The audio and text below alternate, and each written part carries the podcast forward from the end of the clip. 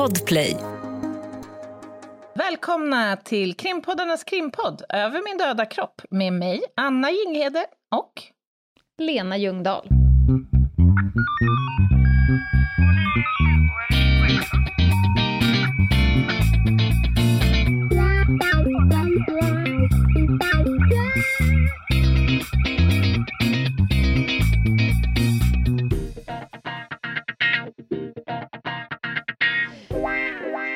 Torsdag, Anna. mm. Och det betyder krim för hela den fina slanten. Oj, oj, oj. Och idag blir det pang för pengen som du hade sagt. Ja, nej jag hade sagt idag blir det pang för peng, om vi ska vara riktigt noga. Okej, det är taget. Ja. Nej men, och vi har ju sett att det har ju sladdat in ganska mycket nya lyssnare, så jag tänkte göra en liten, liten, liten kort eh, välkomst eh, harang. Mm. För att bara beskriva poddens, eh, poddens kontext. Take it away, Ljungdahl. Take it away. Nej men alltså, på, må på måndagar kör vi en veckans spaning. Då är det ju broddare som eh, skickar på oss något helvete, höll jag på att säga. något vad som helst. Ja. Och vi slår på volley. Men på torsdagar, då ägnar vi oss åt helt åt krim. Och det kan vara någonting så nördigt som en liten bloddroppe. Det Nördigt. kan vara en lösnäsa. Det kan vara ett juridiskt mecklemang. Det kan vara något spännande fenomen. Mm. Och som vi vänder och vrider på dessa saker. Och vår förhoppning är att ni ska lära er någonting. Kanske att vi ska lyckas avliva någon liten myt. Mm.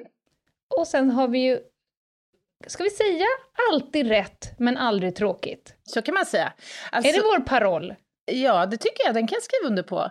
Det gör ju ingenting om man skrattar lite med oss också. För ibland är vi ju faktiskt också roliga, har vi förstått. Och ibland skrattar åt oss. Aha.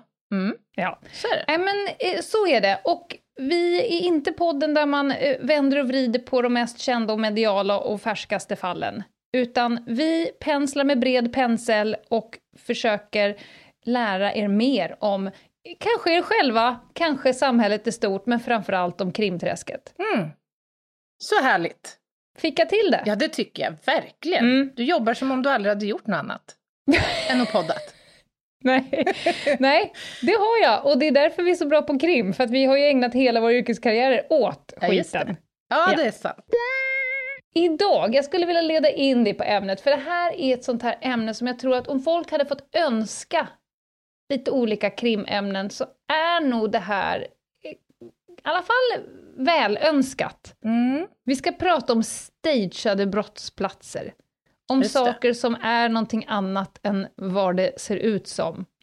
Precis. Och det är lite så här teatraliskt tema nästan. Eller så här, Mm. det är något som vi ofta, som vi känner igen kanske snarare från tv-produktioner och film och sådär, eller hur? Mm. Mm. Ja, men precis. Ska vi dra igång då? Helt enkelt. Kör, vi kör. Vi börjar väl med, tycker jag, att bara kort försöka definiera det här begreppet, för det är faktiskt ett vedertaget begrepp. I, håll i hatten, Litteraturen! Jajamän! Jajamän. Det här, handlar, Ja. det här handlar alltså om att medvetet vidta olika typer av åtgärder, till exempel att ljuga eller att rubba bevisning på en brottsplats för att då försöka simulera olika skeenden eller aktiviteter eh, som handlar om, eller som syftar till att försvåra en utredning. Är du med? Alltså, vill jag man... är helt med. Härligt. Vill man missleda eh, eller förvilla eller förbrylla polisen som kommer till den här platsen så vidtar man då vissa åtgärder för att helt enkelt lura oss upp på läktaren. Och det handlar ju för att komma undan med sin brottsliga handling. Exakt. I de allra flesta fallen Mm. Ja, men det är ju en väldigt vanlig liksom, motivationsfaktor. Och hur kan det här gå till då? Ja, men det, det handlar om olika brott och olika tillvägagångssätt. Eh, ett exempel kan vara att placera en eh, mördad kropp i en bil som man sen till exempel knuffar ner i vatten för att få det här att se ut som en olycka. Mm. Eh, och det finns några avgränsningar här. När vi pratar om stageade brottsplatser så menar vi inte generellt det som sker när till exempel anhöriga anträffar eh, en annan anhörig så att säga som eh, är avliden och har vidtagit åtgärder för att till exempel snygga till kroppen eller att få hela den här situationen att framstå som mindre, vad ska man säga, genant eller vi har mm. de här mm. fallen med autoerotisk död till exempel. Om en mm. mamma anträffar sin son avliden hängandes i en snara i pojkrummet med eh, ja, känslan av att det här har skett inom ramen för en sexuell aktivitet så kan det finnas en vilja att försöka förfina det här då. Skyla lite. Skyla lite. Ja. Men det är ungefär som med övrig juridik, man kikar ju då i det där fallet på syftet med åtgärden. Exakt. Mm. Helt riktigt. Och det här kan förekomma både när det gäller det dödliga våldet och det icke-dödliga våldet.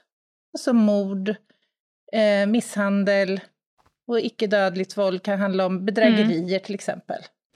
Jag tänkte säga det, att en vanlig förekommande staging, det är ju de så kallade försäkringsbedrägerierna. Ja, just det. Där man vill att det ska se ut som en olycka så att man får ut på försäkring. Till exempel om man eldar upp sin gamla sommarstuga eller vad det nu är. Ja, och så stagear man det på ett visst sätt så att man ska tro att det är olycka och inte brott. Ja, jag kan tänka mm. mig att du i din tidigare yrkesroll har kommit i kontakt med den här företeelsen.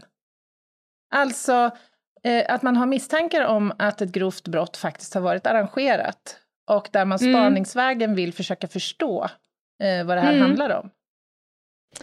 Ja, man kan ju sitta hemma på, på polishuset och knappa i datormaskinen bäst man vill, men förr eller senare, vissa brott behöver man helt enkelt eh, få andra pusselbitar. Mm. Och då är spaning en av de verktygen som man använder då för att ta reda på hur det egentligen ligger till. Mm. Ja, precis. Mm. Du Lena, bara för att sätta oss i rätt kontext så tänkte jag faktiskt göra ett undantag från vår princip att prata gamla fall och helt kort mm -hmm. faktiskt dra ett fall. Det är nu 20 år gammalt och det är mm, okay. avdömt och klart. Och jag har mm. avidentifierat individerna här som ingår. Är du med? Då så, då faller den under alla våra kategorier. Ja, den gör ju det. Eller kriterier. Mm. Precis.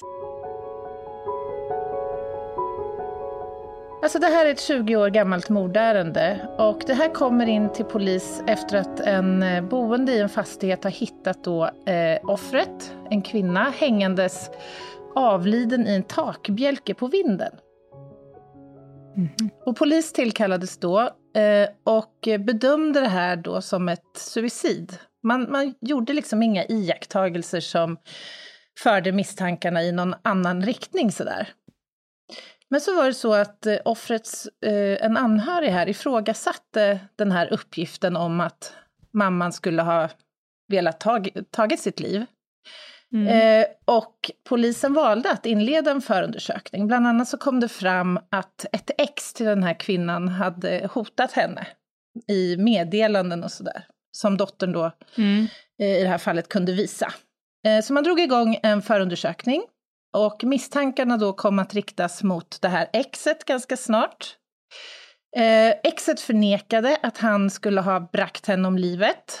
Men däremot så tillstod han att han hade varit på platsen eh, och han hade hängt henne i takbjälken.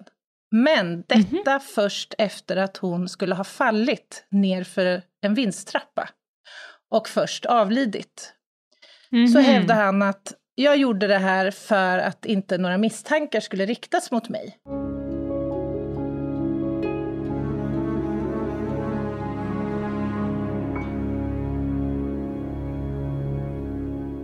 Okej, okay, han försökte snacka på sig en brott mot griftefriden istället för mord. Precis. Och man kan säga att mm. innan den här utsagan kom så hade också liksom ett antal hypoteser prövats utifrån den misstänktes utsagor. Han ville först mm. inte tillstå att han hade varit på platsen alls. Ja, du vet, han presenterades med mer och mer bevis och till slut så liksom angav han en historia som han hängde upp sin förklaring kring. Och det ska jag säga, det är ett klassiskt maner att jag drar en historia och jag håller fast vid den. Ofta så placerar de sig själva kanske på platsen, men, men tar sig, men lägger inte sig själva i själva eh, den brottsliga handlingen. Och ju mer bevis och information som kommer fram så försöker de skruva på sin historia så att den ska passa det som polisen vet. Precis. Det jobbiga för dem är att det läggs ju fram nya saker hela tiden, så att den där historien kan skruvas ganska mycket på.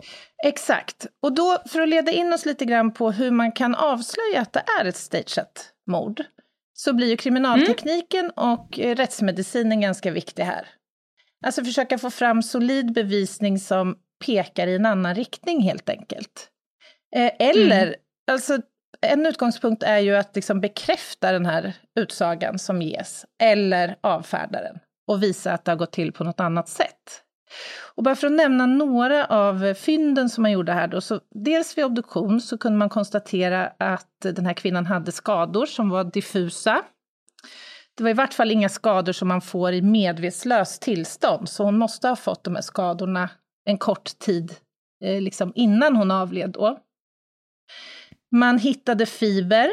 Man konstaterade att offret bar en ljusstickad kofta och det fanns damm på hennes svarta byxor. Det fanns också damm i hennes ansikte. Ett eh, pärlörhänge eh, låg löst på hennes eh, kropp. Sen hittade man då, eh, apropå det här med fiber, en ljus fiber i trävirket till dörröppningen in till vindsförrådet. Och den här är då på 180 centimeters höjd, så man har mätt in den här Jesus. enstaka fibern. Man hittar... Det är noga brottsplatsundersökning som har Ja, det får man ändå äh, säga. Mm. Man hittar ett enstaka hårstrå. Man konstaterar att det är damm på golvet i det här vindsförrådet. Man gör också vissa fynd i lägenheten, där man hittar dels blod från henne, dels blod från honom och fiber eh, på golvet från henne. Så alla de här fynden, mm. det här är bara några då exempel på de fynd man gjorde, men alla de här iakttagelserna man gjorde. Man, jag kan nämna också att man anlitade Sveriges provnings och forskningsinstitut som då analyserade träbjälken här, för man såg att repet hade liksom påverkat bjälken på ett sätt som inte var förenligt med utsagan hos den här misstänkte. Och alla de här mm. fynden sammantaget kunde visa att det, det, först hade varit någon form av handgemäng i lägenheten. Sen har hon avlidit och burits upp för vindstrappan, avsatt sina fiber, fastnat med något hårstrå någonstans på vägen, troligen legat på golvet på vinden, fått dammet på sina kläder och sedermera mm. hängts upp på den här takbjälken. Mm. Men det här är ett exempel på hur svårt och hur, hur liksom utmanande det kan vara när första patrull mm. kommer till platsen och har att bedöma vad det är som har hänt på en plats. Skulle du säga att det är en klok sak att göra som gärningsperson? Alltså, eh, lyckas, hur, så här, hur många eh, lyckas, tror du? Alltså, vi vet ju inte det tyvärr, eftersom det här Nej. är en företeelse som medför en risk för ett mörkertal. Man kan ju tänka sig att något eller några fall missar vi. För att mm. de är helt enkelt för väl genomförda. Ja. Eh, pratar man om förekomst totalt i världen så pratar man om någonstans mellan 3 och 8 procent av alla eh, mordärenden är stageade. Mm. Eh, men det här är ju ett svårstuderat liksom, fenomen av den enkla anledningen att vi inte vet exakt alltid vilka som är de här fallen. Man får gå tillbaka och titta Men på de bekräftade väl... så att säga.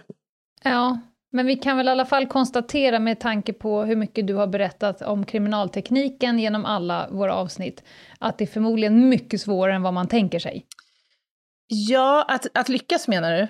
Ja. Ja, ja men precis. Ja, men förutsatt... Du har ju Locard, och så vidare, och så vidare. Precis. Att tro att man bara säger, men om jag sätter na så här, så tror de nog så här. Ja. Det är ju kört. Men när du kommer med din lilla tapirnäsa. ja, vi kommer komma in på det lite senare, men jag skulle vilja hävda att i Sverige så har vi en god tradition av mordutredningar när det gäller den, den kriminaltekniska delen. Det vill jag hävda. Alltså mm. vi har ju en närmast hundraprocentig uppklarning och det beror ju på att vi faktiskt lyckas få fram teknisk bevisning och det innebär ju att vi har lyckats rekonstruera helt eller i stora delar brottet. Ja. Vem är det som stagear då? Det är ofta män det handlar om här och det är ofta någon i offrets närhet. Det här kan ske... That's a shocker! Oh no, it's not. Det här är mitt chockade ansikte som du ser i, genom telefonen just tapp, nu. du tappar alla fräknarna nu, ser jag. Ja. ja. Berätta, hur tänker du? Nej, men, eh, ja, att det är ofta en man tänker jag väl på, det är väl ren statistik. Det är såklart att det är det. Mm. Och i offrets närhet, är för att det oftast är det. Men jag tänker, kan det inte påverka... Jag menar, film och tv, det är ju mer ymnigt förekommande med stageade mord där än vad vi kanske upplever Mm. IRL, som kidsen skulle ha sagt. Ja, just det. Finns det, kan man se att det finns någon form av copycat-effekt? Att det liksom har stageat mord rent inspirerade av filmens och tv-seriens värld? Mm. Eller kanske att det finns skarpa case som sen sprider sig? Eller? Ja, men det här är ju en teori man har kring liksom inspirationen till att agera. Mm. Att det skulle vara då hämtat från tv-serier. Jag, jag har ju själv jobbat med ett ganska uppmärksammat styckmord där inspiration hämtades från Dexter till exempel. Eh, Mm, just det. Ja, så att visst förekommer det här. Eh, och här kanske vi ska vara glada, Lena, på något sätt för att de inte skildrar verkligheten, de här serierna. För det Mm. innebär ju att när vi kommer till platsen så kan ju vi så att säga utgå från att om det här är en stagead brottsplats så har man ju i vart fall sannolikt inte full koll på hur de här fallen normalt ser ut. Det här kan ju ske då planerat eh, eller rent impulsmässigt. Och det är klart att graden av planering också speglar hur väl eh, exekutionen är, så att säga. Alltså hur Mm. väl genomfört det här är. Syftet var du inne på inledningsvis, det handlar om att undandra misstanke då från en själv till en gärning. Eh, och angreppspunkterna här, det är ju då att dels kan det vara att få dödssättet att se ut som ett annat. Att då få ett mord att se ut som självmord eller olycksfall till exempel. Det kan också handla om att få dödsorsaken att se ut som en Mm. annan än den verkliga. Eller att få motivet att framstå som ett annat än det verkliga. Eh, fråga. Mm. De här uh, morden, och nu hamnar jag igen i filmens och tv-seriernas värld, Mm. där det dödas människor och sen så placeras kroppen. Mm. Inte kanske för att komma undan, men det, ibland skrivs det något ord med blod på väggen, typ i Seven. Ja. Eller att det liksom, att man nästan lämnar ett litet meddelande. Mm, en liten signatur, ja. En signatur, eller tar en liten trofé, eller lämnar någonting, eller ja, men liksom att man på något sätt vill ha något mer budskap än att jag har dödat den här personen. Det handlar ju inte om att man ska komma undan, tänker jag. Vad, räknas det också som ett Mm. stageat? Det kan det göra, för att i begreppet så ingår också arrangerandet. Alltså Ja, att man Mm. vidtar åtgärder efter själva gärningen. eh, Som egentligen kanske inte alltid är kopplat till själva brottet i sig. Och det, där har du ju det här med signaturen. Alltså att man vill skicka Ja. ett budskap. Och meddelandet kanske inte alls egentligen speglar den här förövaren eller motivet. Och det kan ju vara ett sätt då Nej. att förbrylla, återigen. Ja. Det handlar ju om... Men jag tänker också Ja. sista, sista kränkningen. Alltså om man mördar någon i ren affekt och Mm. liksom vill kränka, då kan man ju ibland se att det har liksom påverkats, arrangerats, gjort någonting med kroppen. Eh, Ja, alltså man kan väl säga så här generellt att eh, hur, eller det man ser på kroppen speglar ju ofta sinnesnärvaron och motivationsfaktorn hos förövaren. Mm. och affektläget. Ja, exakt, inklusive affektläget. Mm. Ja, okej. Mm. Mm. Eh, Och du är inne nu på liksom aktiviteter, alltså medvetna då fysiska aktiviteter som handlar om att försvåra eller förställa eh, platsen eller kroppen. Det kan Mm. handla om att städa en brottsplats, att stöka till på en brottsplats, att manipulera den på andra sätt, kanske ställa fram föremål som inte egentligen har med platsen eller skeendet att göra, men som ska då förvilla. Att påverka kläderna på kroppen, att eh, ringa in och anmäla det här som något annat än vad det är. Eller att kanske Mm. till och med arrangera så att en tredje part ska hitta den här kroppen vid en tidpunkt då jag är långt, långt bort från den här platsen. Det kan handla om att byta kläder på offret, att flytta på kroppen i syfte då att flytta på själva brottsplatsen. Mm. Eh, att att eh, skada sig brukar själv. Ju prata om, du brukar ju prata om, om brottsplats och, fynd, och fyndplats. Ja, just det. Som två olika saker. Mm. Ja, men precis. Och det är ju inte alltid de sammanfaller. Det är ju inte alltid Nej. brottsplatsen är en fyndplats, så att säga. Och vice versa. Det kan ju också vara så att man misstänker att misstankar kommer att riktas mot mig och därför tillfogar sig själv skador. För att det här ska framstå då som något slags nödläge eller självförsvarssituation. Mhm. Skriva ett självmordsbrev.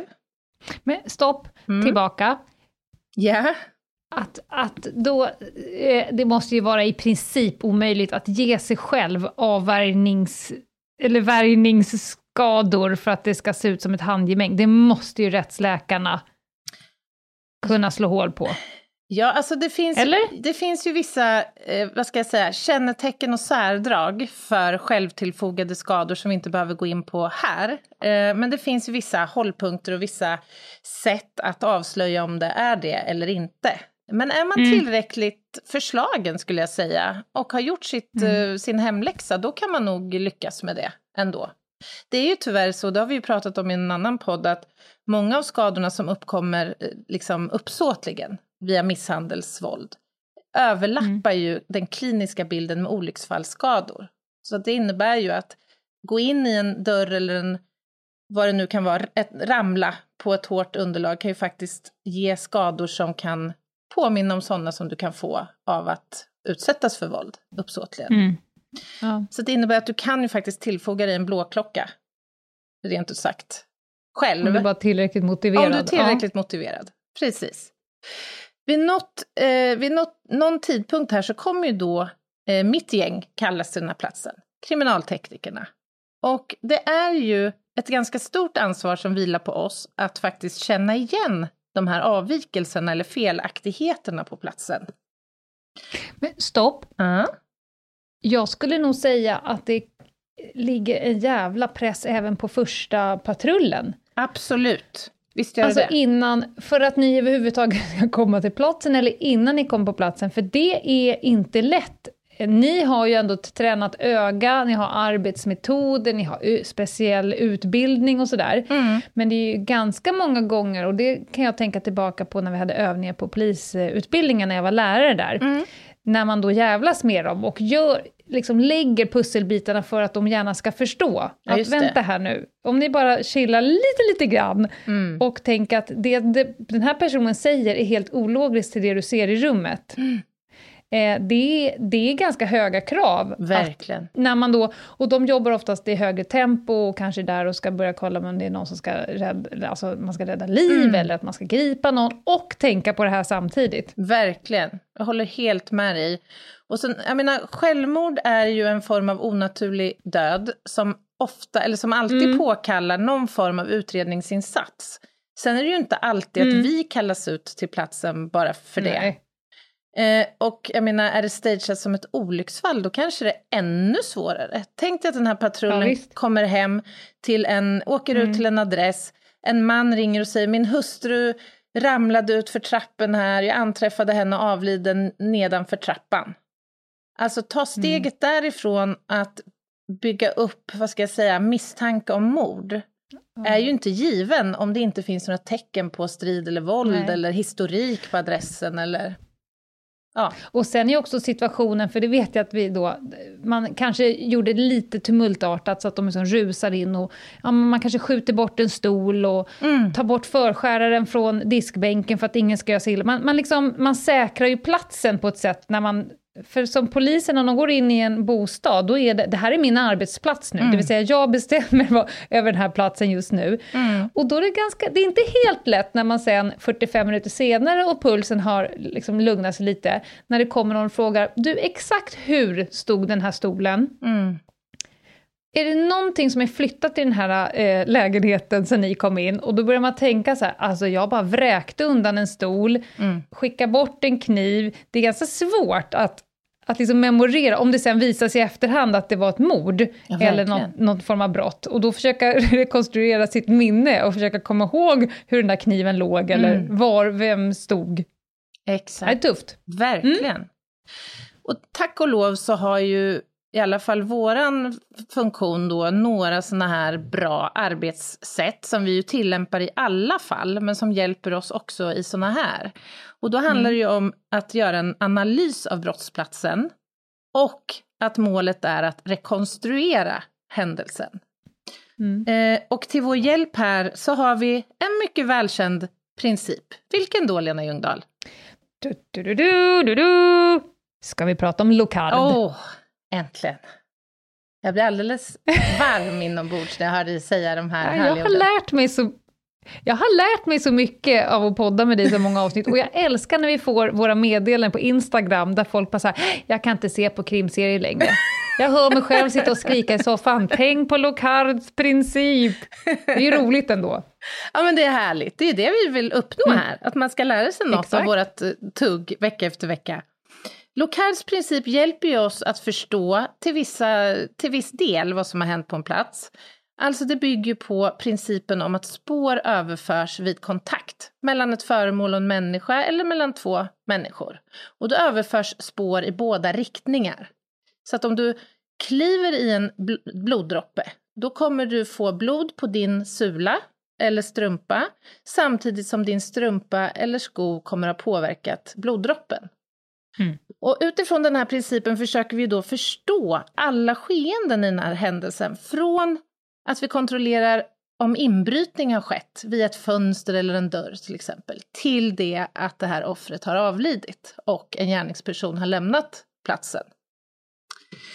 Eh, och vi hänger ju upp en del av de här iakttagelserna också på det faktum som du själv alldeles nyss var inne på, nämligen det logiska agerandet på den, på den här platsen, eller kanske snarare mm. avsaknaden av logik, som då ofta speglar de här platserna. Eh, vi kan ju se eh, att förövare ibland är stressade till exempel. Och det kommer, ju av, eller det kommer ju yttra sig även om man har försökt att förställa den här platsen på ett sätt som inte är med sanningen överensstämmande så att säga. Det kan ju vara tidiga uppgifter som lämnas av eh, den här misstänkte. Om det nu är så, om vi återgår till exemplet med att en man slår larm för att man har utsatts för något Eh, eller en, ens hustru har avlidit i bostaden och ett annat scenario då skulle kunna vara att det bröt sig in två gärningspersoner hos oss mitt i natten och de utsatte min hustru för våld i flera timmar. Mm. Och till slut så avled hon och de drog. Då blir ju det liksom våran utgångspunkt på den här platsen, att försöka hitta mm. spår som styrker det. Men bara den uppgiften gör att vi kommer dra öronen åt oss.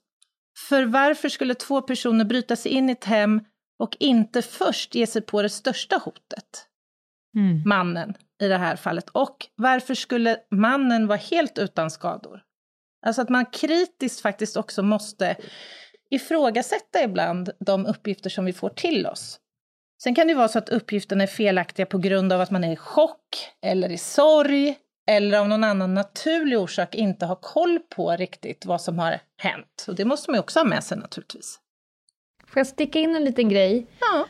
Det här ifrågasättandet, det tror jag generellt att folk, och det har jag själv upplevt, eh, när jag själv har då fått göra det här mot människor, mm. de tar oerhört illa vid sig. Och det förstår man ju om personen är oskyldig Absolut. och det här är som de säger. Mm. Men att man, att man som förälder som har precis förlorat ett barn blir mm. ifrågasatt om det mm. kanske inte kan vara. Mm. Eh, mannen som du säger, där hustrun precis har dött. Det, men det är ju så att vi måste utreda, är det så eller inte så? Om du är gärningsperson så kommer ju du inte säga det direkt. Det vill säga, vi måste ifrågasätta mm. och pröva tesen. Verkligen. Men, och, men det är en, med en stor portion ödmjukhet, för har man då fel och säger att du, du är bara offer, du är mm. bara anhörig, du är drabbad. Mm. Men just, man måste förstå att rättssystemet är uppbyggt så att man måste testa alla teser och då kan det bli så att du behöver bli ifrågasatt mm. trots att du är helt oskyldig, för annars så skulle ingen bli dömd för något brott. Nej, men och sen är det väl så att vi lutar oss också mot erfarenhet och i viss, till viss del forskning. Alltså vi vet ju att de flesta gånger... Och statistik. Ja, men jag menar det. Statistiken. Mm. Vi vet ju att, att det är ofta en, en man och en närstående ja, ja. Som, som är skyldig i just det här exemplet. Mm. Eh, men det behöver ju inte vara så. Men det kan innebära att det ja, det, det kan ju medföra ett frihetsberövande, alltså att man grips Mm. initialt Mm. som misstänkt för det här. Och det är ofta så att i de här fallen så, så är det i offrets egen bostad som det här eh, sker. Och det är inte heller sällan det är förövaren som då, nu gör jag citationstecknet här, de klassiska musöronen. Mm. Det är starkt, det är starkt i Det är radio. det. Se nu, nu gör jag det. Ja. Det är ofta förövaren som hittar eh, offret och eh, slår larm. Eh, och jag var inne på det här med brottsplatsanalys och rekonstruktion. Eh, alltså försöka få ihop alla våra fynd till en helhet, men då varje fynd blir ju i sig också ganska intressant. Vi kommer ju tillsammans med rättsläkaren till exempel titta på skadorna. Eh, var sitter de? Eh, är de förenliga med det som är då, eh, vad ska jag säga, den inledande misstanken om vad som har hänt, helt Mm. enkelt. Eh, och vi kommer söka spår på kroppen, vi kommer titta på det här med likfläckarna på kroppen. Finns det någon indikation om att kroppen är flyttad på? Finns det blodspår där det inte förväntas finnas blodspår utifrån den beskrivna händelsen, till exempel? Klädernas läge på kroppen, hur ser de ut? Vi kan titta på dem och förstå om kroppen har dragits, antingen i fötterna, för vad händer då? Jo, då kommer kläderna på, på överkroppen att se liksom rullade ut uppåt. Mm. Eh, medans om man är dragen i händerna så kommer byx, byxorna eller en kjol se förlängd ut, eller sträckt.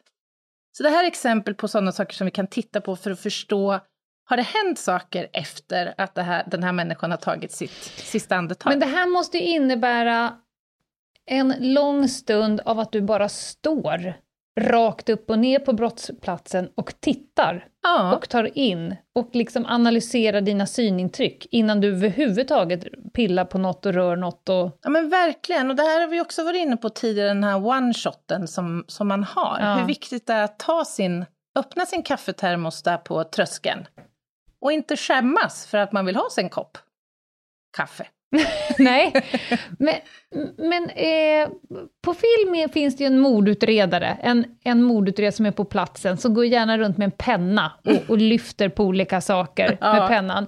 Och är mordutredare slash insatsstyrka slash kriminaltekniker, Ja. ofta klädd i trench. Ja, det är mycket trench där ja. ja. När ni är på plats och det är någonting som ser ut som ett mord och du gör allt det här, Mm. Har du en mordutredare rundfladdrande eller jobbar ni med olika saker vid olika tidpunkter? Man kan väl säga att, eller på första frågan så kan jag svara nej. Jag har inte en eh, mordutredare med mig på plats. Jag har ju en kollega, en, en annan kriminaltekniker eller två. Mm. Däremot så jobbar ju mordutredarna parallellt med att vi gör eh, våran undersökning. Och gör vi iakttagelser här ganska snabbt, är det så till exempel att hårets position är utdraget, vilket tyder på att kroppen har förflyttats, då kommer Mm. vi meddela kanske då eh, förundersökningsledaren eller utredaren den här iakttagelsen. Alltså Mm. vi misstänker att det inte alls har gått till på det här sättet. Vi, vi ser tecken som tyder på det här eller det här. Men det är ju då liksom högst preliminära uppgifter. Vi måste ju sen på Mm. vår kammare sammanställa allt det här och förnula, som du hade sagt Lena. Yes. det finns många sådana saker man kan titta på. Om det sitter skor på fötterna, hur ser knutarna ut? Ser de ut att vara knut, knutna av eh, offret själv? Man kan titta på andra skor i dens ägo för att se om det finns något att jämföra med till exempel. Finns det en strypsnara runt halsen så kommer vi att titta på läget på, på snaran eller på, eh, vad heter det nu då, snörfåran som bildas i huden. Alltså läget på den. Ser det här Mm. ut att vara förenligt med en kropp som är hängandes fritt från en bjälke till exempel? Eller är det mer talandes för att snörfåran har uppkommit genom strypning och sen har kroppen hängts upp? Den typen av eh, Mm. observationer. Rinningar av blod. Blod rinner inte eh, horis- eller horisontellt, utan blod rinner med hjälp av tyngdkraft uppifrån och ner, vilket kan vara en annan sån observation som kan tyda på att kroppen har ändrat läge eller förflyttats eller sådär. Finns det besudlingar på kroppen av något slag? Okej. Då kan ett, ett, en intressant undersökning vara att se, finns det liknande sådana här besudlingar någon annanstans i bostaden som kan tyda på att kroppen har varit i kontakt med den här besudlingen, dragit med sig den och sen placerats på ett nytt ställe. Hänger du med Lena? Jag är med så här långt och jag vet att du har lite olika exempel att komma med, men innan dess, kisspaus. Jajamän. Ett poddtips från Podplay. I fallen jag aldrig glömmer djupdyker Hasse Aro i arbetet bakom några av Sveriges mest uppseendeväckande brottsutredningar. Går vi in med hemlig telefonavlyssning och, och då upplever vi att vi får en total förändring av hans beteende. Vad är det som händer nu? Vem är det som läcker? Och så säger han att jag är kriminell, jag har varit kriminell i hela mitt liv men att mörda ett barn, där går min gräns. Nya säsongen av Fallen jag aldrig glömmer på Podplay. Välkomna tillbaka till krimpoddarnas krimpodd Över min döda kropp. Det är avsnitt 113 och Anna håller på att lära oss allting om stageade brottsplatser. Vart ska vi? Ja, men jag tänkte så här, ska vi inte ta och försöka sätta de här eh, fynden i någon form av kontext också? Till exempel, alltså, försöka gå in lite grann på hur de här stagingarna brukar karaktäriseras. Och vad som kan vara intressant att titta på. Alltså mm. när det gäller mord som stageas som olycksfall så kan ju olycksfallet i sig innebära egentligen vad som helst. Vi har varit inne på det här med fall, och det är ofta fall från hög höjd. Eh, bilolycka. Eller ofta faktiskt brand. Mm -hmm. Alltså kroppen utsatts för våld som har varit dödligt först. Och sen så arrangeras de här platserna att se ut då som olycksfall. Och man kan... Typ sängrökning eller? Ja, till exempel. Eller simulerat elfel till exempel, eller någonting annat. Eh, men det måste ju vara omöjligt att få till. Jag önskar jag kunde säga ja. Ja, men jag, jag förstår varför man går brandledet, eh, eftersom då kanske då de facto alla bevisen brinner upp. Mm. Men att simulera ett elfel, Alltså, mm. jag vet ju de här brandingenjörerna är ju jävligt duktiga på att hitta uh, källan. Ja, men det är jag de. tänker så här att det är svårt att, att, simulera ett elfel när man sen ser att det har börjat brinna på tre platser unisont, samtidigt synkroniserat med hjälp av brännbar vätska. Absolut, jag är helt med dig där. Eh, förutsatt att inte brand har pågått så länge så även spår har brunnit upp. För det är ju faktiskt så att även den brännbara vätskan brinner ju vid någon tidpunkt upp. Och har det brunnit mm. tillräckligt länge då, och vi kommer fram till en ruin liksom, mm. då är det inte så jädra mycket för oss att göra heller tyvärr, alla gånger. All el är uppbrunnen, vätskan som används är uppbrunnen. Alltså det är svårt för oss att, att påvisa någonting annat än att ha brunnit mm. på platsen då kanske. Då får man ju kolla, för man ska inte glömma en viktig sak. Vi har ju själva brottsplatsen och allting som ni kan hitta på den. Mm. Eh, bevis och saker som talar i någon riktning. Men vi ska inte glömma bort det som vi alltid tjatar om polisiärt, omständigheter i övrigt. Mm. Alltså utöver brottsplatsen så finns det ju en person, eh, det finns kanske IT-forensiskt att titta på, man kan spana, man kan mm. hålla förhör, det finns vittnen och så vidare. Så att man ska inte tro att brottsplatsen och liksom teknisk bevisning är det enda eh, som finns att tillgå, utan det är precis som allting annat ett av verktygen. Absolut, bra poäng. Och saken är den, när det gäller just det här fenomenet så understryks nogsamt i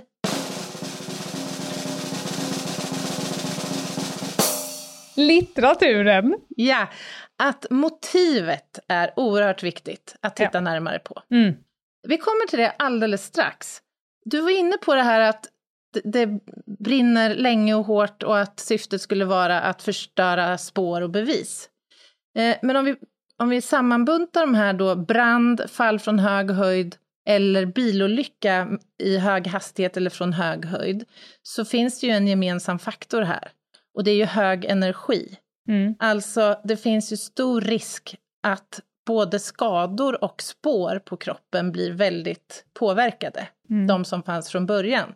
Med ett massivt högenergirikt våld kan ju vara jättesvårt att liksom kunna särskilja alltså skador som har uppkommit före det här då olycksfallet och mm. de som är förknippade med det. När det gäller bilolyckor, i USA när man tittar på stageade eh, mord och som då har stageats som olycksfall så är just bilolyckor ganska vanligt. Eller det beskrivs eller återkommer ofta. Och det man ser gemensamt där det är att bilen anträffas eh, sällan i närheten av den riktiga brottsplatsen. Så att en tanke är ju då att man helt enkelt tar sig en bra bit ifrån där brottet har skett. Kanske för att vinna tid eller för att hinna själv försätta sig på en plats så att man drar misstankarna bort från sig. Eh, och det här när man stagear som olycksfall, det är ju ganska närbesläktat med det som sker när man stagear som självmord. För jag var inne på det här med fall från hög höjd. Det kan ju också vara ett sätt att eh, ta sitt liv på, att kasta sig från hög höjd. Och det som är viktigt när vi när det kommer in som ett självmord, det är ju såklart att leta efter ett självmordsbrev. Det finns inte alltid självmordsbrev, men ganska ofta skulle jag vilja påstå. Och då är det ju viktigt att se dels innehållet i det här brevet, dels handstilen och dels placeringen. I de Men vänta, ja. vänta, nu för tiden, sitter mm. folk på riktigt och skriver, alltså varför skriver man för hand? Det är ju ingen människa som någonsin skriver för hand längre. Det här avskedsbrevet kan väl finnas i någon form av telefon eller mail eller någon annanstans? Eller skriver Absolut. de med snirklig fin stil eh, ja, på ett kuvert? Det finns båda varianterna, skulle ja. jag säga. Och jag skulle vilja, utan att veta säkert, så, så är min känsla att det är ganska starkt kopplat till ålder på, på den avlidne. Ja. Yngre är ju mer vana kanske att hantera och skriva på dator. Ja, de kan inte äldre. skriva. de vet inte hur man gör. det kan vara så enkelt. Det finns några då särdrag när det gäller just det här fenomenet självmordsbrev och när, när brottet är stageat eller mordet är stageat. Eh, och det är att ofta så anträffas brevet i närheten av kroppen. Och det kan ju bero på att förövaren kanske är rädd för att brevet inte ska hittas annars. Alltså om man lägger det på mm. ställe där vi inte hittar det så kanske eh, chansen är större att man ska misstänka att det är fråga om ett mord än ett självmord. Ofta i de här breven så anges någon form av referens till förövaren. Och det är kanske inte så svårt att förstå att man väljer att fabricera det så om förövaren är en närstående. Ja. Och viktigt här då är ju att jobba med handstilsanalys naturligtvis för att försöka klarlägga att det faktiskt är den avlidne själv som har skrivit brevet. Och det som är lite märkligt i de här sammanhangen det är att det ofta också saknas ägodelar från de här människorna, vilket man har lite svårt att förstå. Och det är ju inget som vi känner igen från de vanliga suiciden, de äkta suiciden. Vad då saknas ägodelar? Ja, så att man plockar med sig kanske smycke eller fotografier eller någonting annat från den här platsen. Alltså man, mm. undan, alltså man, man påverkar platsen även fysiskt när det gäller ägodelar. Vilket ju inte är, är liksom vanligt eh, vid äkta suicid. Nej, såklart. Då förväntar vi oss inte att finna det. Man kan ju också titta på om det finns självtillfogade skador. Det var vi lite inne på, göra en skadanalys av dem. Men också naturligtvis finns det andra skador som inte kan förklaras av sättet som man har valt att ta sitt liv på. Som då kan ha uppkommit i någon form av tumult eller handgemäng. Viktigt också är ju att undersöka, det gör vi ju alltid, finns det tecken i miljön på psykisk ohälsa? Finns det kallelser till psykiatrin eller har den här individen ätit eh, psykofarmaka? Ja. Eller? Ja. ja. det här tycker jag, de, de självmord jag har varit på, eh, då, då omständigheter i övrigt i lägenheten eller i huset eller vad det nu är för bostad, att man mm. får en känsla direkt att det här är i alla fall en person som åtminstone på slutet kanske inte mådde helt hundra. Mm. Det kan ja, det vara ju... enorma mängder pryttlar eller väldigt mm. osanitärt eller eh, mm. liksom någon som har suttit och maniskt skrivit. Det kan vara vad som mm. helst när man känner så här, och det behöver inte betyda att personen också har tagit livet av sig. Men det är i alla fall en indikator på att det var inte helt välmående på slutet. Nej men verkligen, jag skulle vilja hävda att det ganska ofta är så faktiskt mm. när vi kallas till de här platserna. Mm. Eh, men återigen, inte alltid. Och en sån här situation som är, tycker jag, väldigt angelägen att beforska det är den här företeelsen med balkongfall. Mm. Har du sett dokumentären som går nu, eh, som heter Balkongfallet? Nej. Det här är ju en företeelse som vi förknippar ofta med faktiskt hedersrelaterat våld och förtryck, och förtryck. Där man stagear då de här fallen att framstå som suicid. Mm. Men det senare framkommer att det faktiskt var så att man tvingade personen att kasta sig ut från balkongen. Eller man, man gjorde det här handgripligen. Mm. Fy fan. Ja. Och i sådana fall, det här är ju jättesvåra fall för oss. Jag är jätteintresserad av att titta närmare på de här så att vi ska lära oss mer om dem. Men det som är viktigt såklart är ju att titta på nedslagsplatsen och försöka rekonstruera fallmekanismen utifrån vad som beskrivs av den som var närvarande eventuellt på platsen. Vilket ju nästan alltid är. I alla fall när det är fråga om mord. Mm. Då, då är det ofta en närstående som sen beskriver att den här personen har kastats ut. Eh, finns det spår på räcke? Var det, gol- var det mm, snö på räcket? Hur ser det ut, eh, avsättningen i det? Eller damm eller smuts? Hur ser golvet ut nedanför räcket på balkongen? Hur ser kläderna ut på den misstänkte? Finns det spår av eh, kontakt-DNA på ställen som kan tyda på att det har varit någon form av våld eller handgemäng innan? Skador. Återigen, det här med skador blir ju väldigt viktigt alltid i de här fallen, så rättsläkaren har ju en oerhört viktig roll. Sen blir det ju då en utmaning här att förstå också de här eventuella hedersrelaterade förtecknen som också kan finnas tillsammans här. Och här tror jag att svensk polis och rättsväsende ligger lite efter. Vi skulle behöva förstå det här fenomenet bättre, helt enkelt. Ofta hänger det här ihop med annan typ av våldsutövning, alltså isolering i bostaden. Eller att det finns en historia av någon form av vad man då anser vara en otillbörlig kontakt med en pojke kanske, eller alltså att det finns något form av hedersförtecken här. Mm. Det är ju ofta kvinnor som, som ramlar ut från balkonger i Sverige. Ramlar. Mm. Ja. ja, men det är lite så de här fallen hanteras. Alltså, jag, jag blir ju lite så här, jag får lite puls av det här. För att Mm. jag tycker att vi, vi behöver bli bättre på att förstå vad det här handlar om och hur vi Mm, ska verkligen. kunna visa vad det här handlar om, helt enkelt.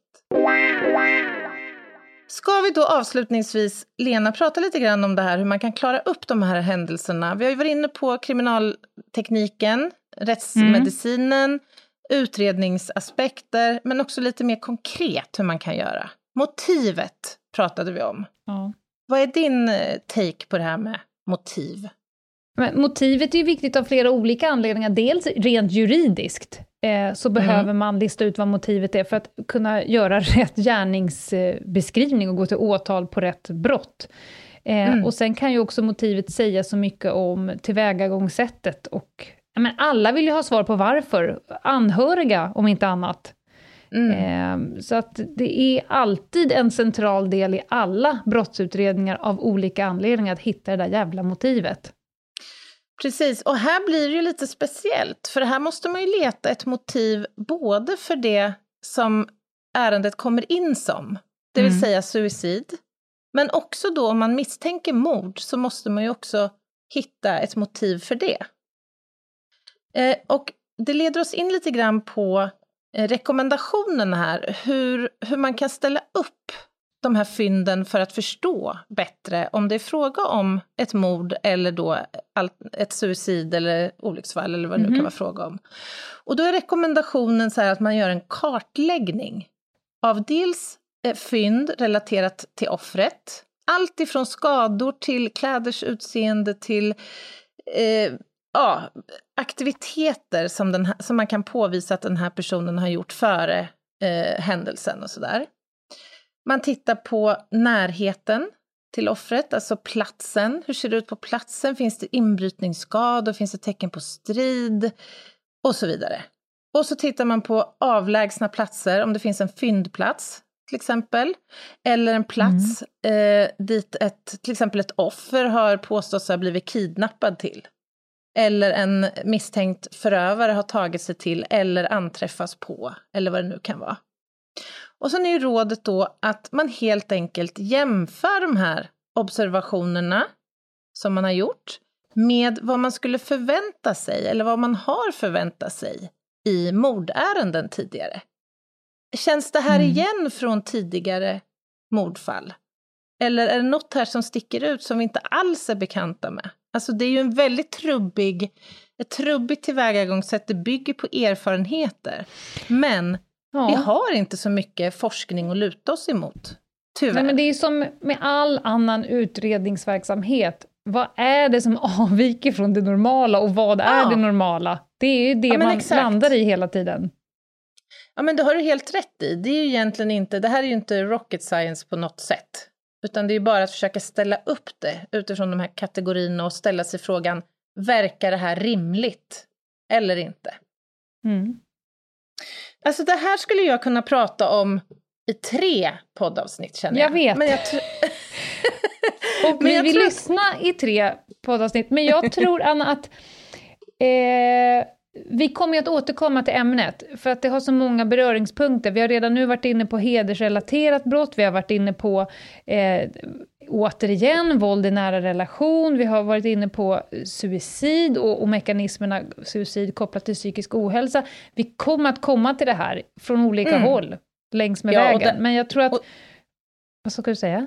Jag bara hörde åh, åh, åh, åh, åh. Ja, jag skulle bara flika in att det finns ju många fler fenomen där vi känner igen det här fenomenet stageade brottsplatser. Till exempel barnmord är faktiskt en sån brottskategori där det förekommer ganska ofta. Men det kan vi prata om i ett eget avsnitt. Yes. Nu ska du eh, vända blad, så som kungen, och alldeles snart dra en jätte, jätteviktig lista. Men innan det skulle jag vilja peta in lite samhällsinformation. Om ni vill hänga med oss mer så finns vi på Instagram, Ljungdahl och Ginghede. Där lägger vi upp lite saker kopplat till avsnitten. Eh, vi bjussar lite av vår tillvaro och vi la- sänder live på lördagar kvart över elva.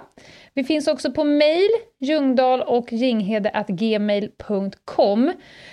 Eh, jag säger, vi har som princip, vi kommer inte bedöma, coacha eller någonting annat i era privata juridiska mäcklemang med era nära och kära. Det är vi helt i fel instans för. I övrigt Mm. så är ni välkomna med era poddrelaterade frågor. Men nu, Anna, take it away! Annas jätte, jätteviktiga lista. Tackar, tackar, tackar, tackar som David Sundin hade sagt. Ja. Eh, vi, det är ju känt att du och jag har ju gjort några märkliga yrkesväxlingar genom åren. Vi har inte varit rädda för att prova något nytt, så att säga. Nej. Och nu skulle jag vilja ge dig lite inspiration, några uppslag för eventuella framtida yrkesväxlingar. Tycker du att det verkar som att jag behöver fler uppslag? Nej, men du kan ju tröttna på podden och allt en vacker dag. Okej, okej. Helt Ja, enkelt absolut. vilja ta En det plan till B. Nya. En plan B, aldrig fel att ha. Nej, shoot. Då börjar jag på plats nummer sex, vilket ju så snyggt knyter an lite grann till dagens tema och till många andra poddavsnitt vi har haft i podden, nämligen det här att bli brottsplatsstädare eller sanerare. Alltså vi har ju varit inne, vi har ju varit inne på det här hur brottsplatser kan se ut. Det kan vara, du har beskrivit det som en rullgardin av likmask. Där har jag Det är- varit. Där, ja, det är blod och sörja och, och, och sådär. Surpel. fun- Anna, det är surpel. Sörpel, ja. Har du någonsin funderat på hur det skulle kunna vara att glida in där med städförklädet och disktrasan? När jag har Nej. lämnat. Det tilltalar inte. Nicht. Okej. Kanske skulle då eh, yrket på plats nummer fem passa dig bättre. Nämligen att bli provsmakare för hund eller kattmat. Jag tänker att det här borde ligga nära dig. Du vill väl att dina djur ska få det bästa? Det Varför godaste, kommer jag att tänka på Svullo? Han åt väl kattmat? Nej men sluta! Jo! Nej, men det här är ju För vidrigt. fet för ett fuck. Kan inte se ner till marken om mer. Ah. Älskar Svullo. Men tänk dig att sätta kniven och gaffeln i en smarrig kattpaté. Nej! Inte det heller? Nej. Okej, då får det bli plats nummer fyra då. Du kanske tilltalas av att jobba mest på sommarhalvåret. Vad sägs om att bli maskuppfödare, Lena? Fan.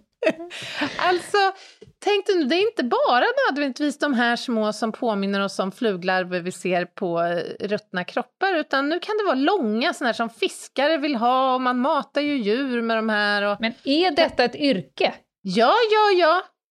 Googla gärna worm, worm breeders eller vad de heter. Absolut inte. Okej, jag, jag fattar. Det här är inget för dig. Plats nummer tre då. Vad sägs om avloppsdykare? Jag kan säga så här, att när det ska rensas eh, i avloppsbrunnen i duschen, Ja, då använder jag mitt ymnigt förekommande uttryck “det här är för tråkigt för mig”. Även om det är bara mitt hår som är där, skulle aldrig falla mig in. Jag är för äcklad av sånt men där. alltså tänk dig själv, du klär in dig då i din dykardräkt. Och Jaha. så sänks du ner i en silo full med, med mänsklig feses. Eller om det kanske är djurfeses. Gödsel. Du ser alltså- inte ens någonting framför dig, men du ska ner där, du kanske ska leta efter en avliden. Det kanske är någon som har tappat sin klocka, vad vet jag. Det finns ju massor med... Alltså jag är ju cocktaildykare Anna, jag dyker ingenstans där det inte är 30 grader varmt och jag har en sikt på 100 meter och jag bara ser delfiner. Okej, jag fattar. Nej, jag fattar. jag säger nej på den också. Vad har du inget att komma med? Ja, okej, plats nummer två då. Ja. Armhålesniffare. Känns det... Fast vänta, vänta, vänta, vänta! Det här har i alla fall praoats om. Va? Va? Men åk tunnelbana i Stockholm Åh, pre eller post corona. Man går Ja, in ja. där och sen så är det någon svettig jävel som ska ta i den här stången högt upp och sen helt Ja. plötsligt så står du där och man får en I någon- ofrivillig sniff, så att säga. ja, Men det här, men det här är inte mycket, ett yrke Anna. Jo, jo, det här är jätteviktigt. Alltså, det finns ju människor som har ett extremt välutvecklat luktsinne och de tas alltså i anspråk i all sköns möjliga konstiga sammanhang, vill jag poängtera. Det här är ju för att prova ut deodorant, doft och annat, så att det funkar på mänsklig hud, så att säga. Men vänta, vad står det på visitkortet? Det står ju inte armhålssniffare. Armpit sniffer, kanske, jag vet inte. Armpit Ge smeller. fanskapet tillägg. Nähä, du känner inte tilltalad av det här heller då? Nej. Okej, då får det bli plats nummer ett. Skulle du kunna tänka dig... Åh, den här, den här är tuff! Skulle du kunna tänka dig att arbeta dagligen med att masturbera djur, Lena? Djurmasturberare. Är det något som kittlar? Va? Bäverrunkare? Nej, nej. Jag pratar alltså här om att samla säden från hästar och kossor och, och andra djur i flaskor. Du ser chockad ut. Vad makabert. Jag, jag tänker att, att... Nej men vänta här nu. Jag tänker att det måste ju vara väldigt mycket såna här eh, arbetsskador för tennisarmbåge. Oh ja, oh ja. Alltså jag sa nu samla upp i flaskor. Jag vill gärna re- slå ett slag för att gå in och googla detta. För de här flaskorna ska jag tala om, de är som stora, eh, jag vet inte vad. Det är Är inga det 10 33 liters hinkar? centiliters. Nej, det räcker inte. Det räcker inte.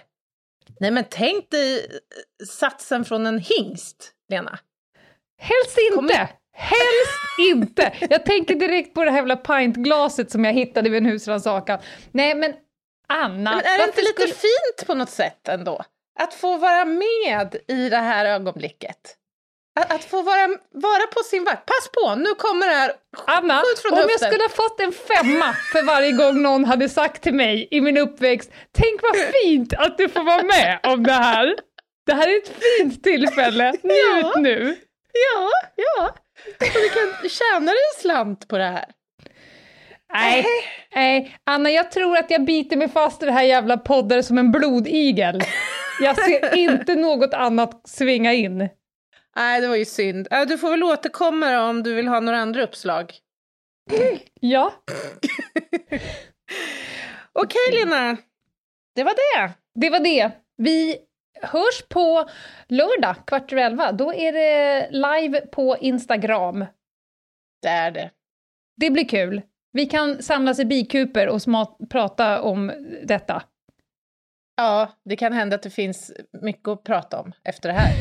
Att människor behöver samtalsstöd eventuellt. Ja. Vi får se. Och då finns vi där och tar emot Ja, er med vi. öppna armar. Hörni, ha det bra tills dess allihopa. Och Anna, puss på dig. Puss puss. Bye. Bye!